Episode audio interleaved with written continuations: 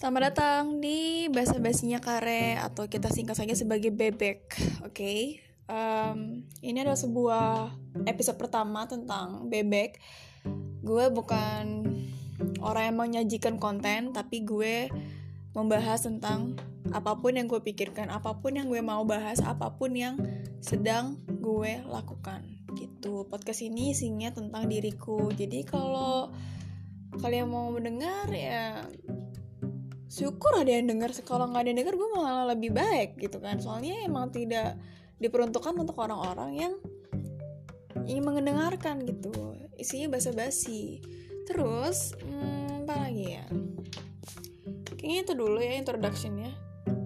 Jadi ya tunggu aja kelanjutannya di basa-basinya kare episode 2 bye